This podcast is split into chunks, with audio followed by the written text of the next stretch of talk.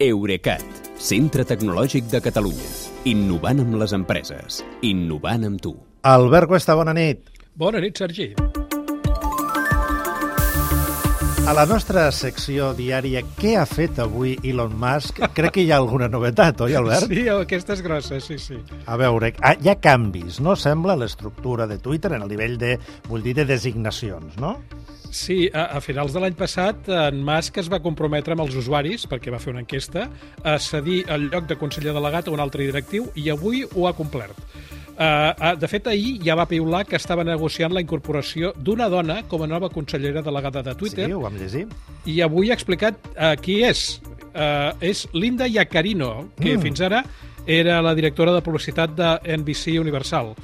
Uh, en Musk diu que Iacarino assumirà uh, d'aquí a sis setmanes la gestió del negoci de Twitter mentre ell es dedica al disseny del producte i a les tecnologies noves.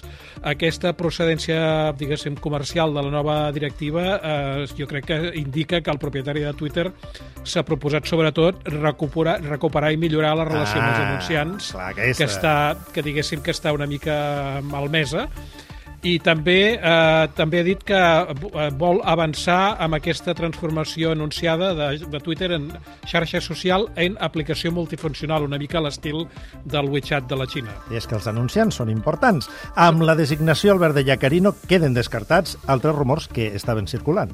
Sí, hi havia algú que havia parlat de Sheryl Sandberg, que era l'anterior mà dreta de Mark Zuckerberg al capdavant de Meta, i jo diria que en el seu moment probablement la dona més poderosa d'aquesta indústria. Però jo crec que era molt probable que Sandberg volgués eh, sortir del foc per caure les brases, perquè la, la posició que ocuparà ja Carino a Twitter a mi no em sembla gens senzilla, jo diria fins i tot que és temerària, perquè per una banda tindrà al mateix temps Musk per sobre com a propietari i per l'altra tindrà per, el tindrà per sobre sota a Mas com a director de tecnologia. déu nhi en tot cas, aquí no veurem el cap davant de Twitter. És a cap dels candidats a, a substituir Musk, que a la web satírica The Onion, si no la coneixeu us recomano eh, fervorosament que la visiteu, proposava poc abans del Nadal passat. Entre aquests candidats de The Onion a dirigir Twitter hi havia l'actor Alan Alda, no, no, no em preguntis per què, uh -huh. eh, el magnat John Rockefeller, eh, que, porta, que porta dècades mort, a l'esquelet de, de Henry Ford, Mira. un gif d'un senyor gran que ballant, molt simpàtic, a qualsevol mena de mico, un rodamont que Musk s'havia trobat pel carrer, l'avió privat del mateix Musk, bàsicament que el, perquè el coneix molt bé, doncs passen molt de temps junts, Uh, també proposaven com a candidats uh, un consorci de tots els abonats a Twitter Blue, la utilitat de pagament, o, i aquesta ja, ja descarto completament en, en, entendre-la, un pernil a la brasa. Ai, ai, ai. Canviem de tema, perquè no vols deixar de parlar de la que, sens dubte, és una de les filtracions, atenció, de dades més llargues de la història.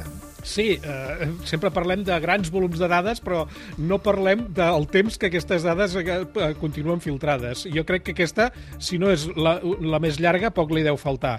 Eh, és l'empresa japonesa d'automoció Toyota ha reconegut avui que les dades d'ubicació dels propietaris de més de 2 milions de cotxes de la seva marca han estat al descobert durant gairebé 10 anys entre novembre de 2013 i mitjans del mes passat, que és quan ho van trobar. Es veu que fins ara no havien detectat un error de configuració dels servidors de la filial Toyota Connected, que és la que gestiona els serveis G-Link, G-Link Lite i G-Book pels cotxes connectats de la marca Toyota.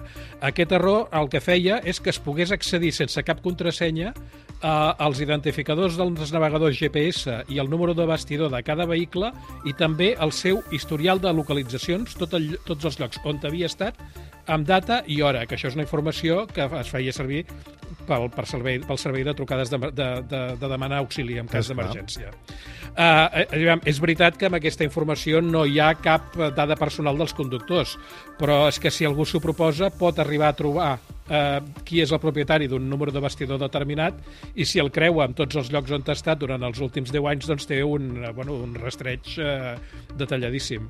Eh, no hi ha constància de que ningú hagi accedit a aquestes dades, que això ja també et dic que també és tenir molta sort de que ningú hi hagi entrat, però Toyota ha assegurat que es disculparà individualment amb cadascun dels clients afectats. Almenys eh, li ha passat a Toyota, no li ha passat a Tesla, ho dic per això de continuar parlant d'Elon Musk. Però, en fi, molt bé, doncs... Ben, ben vist. Albert Cuesta, com sempre, gràcies i bon cap de setmana. Ens sentim dilluns. Igualment, Sergi, fins dilluns.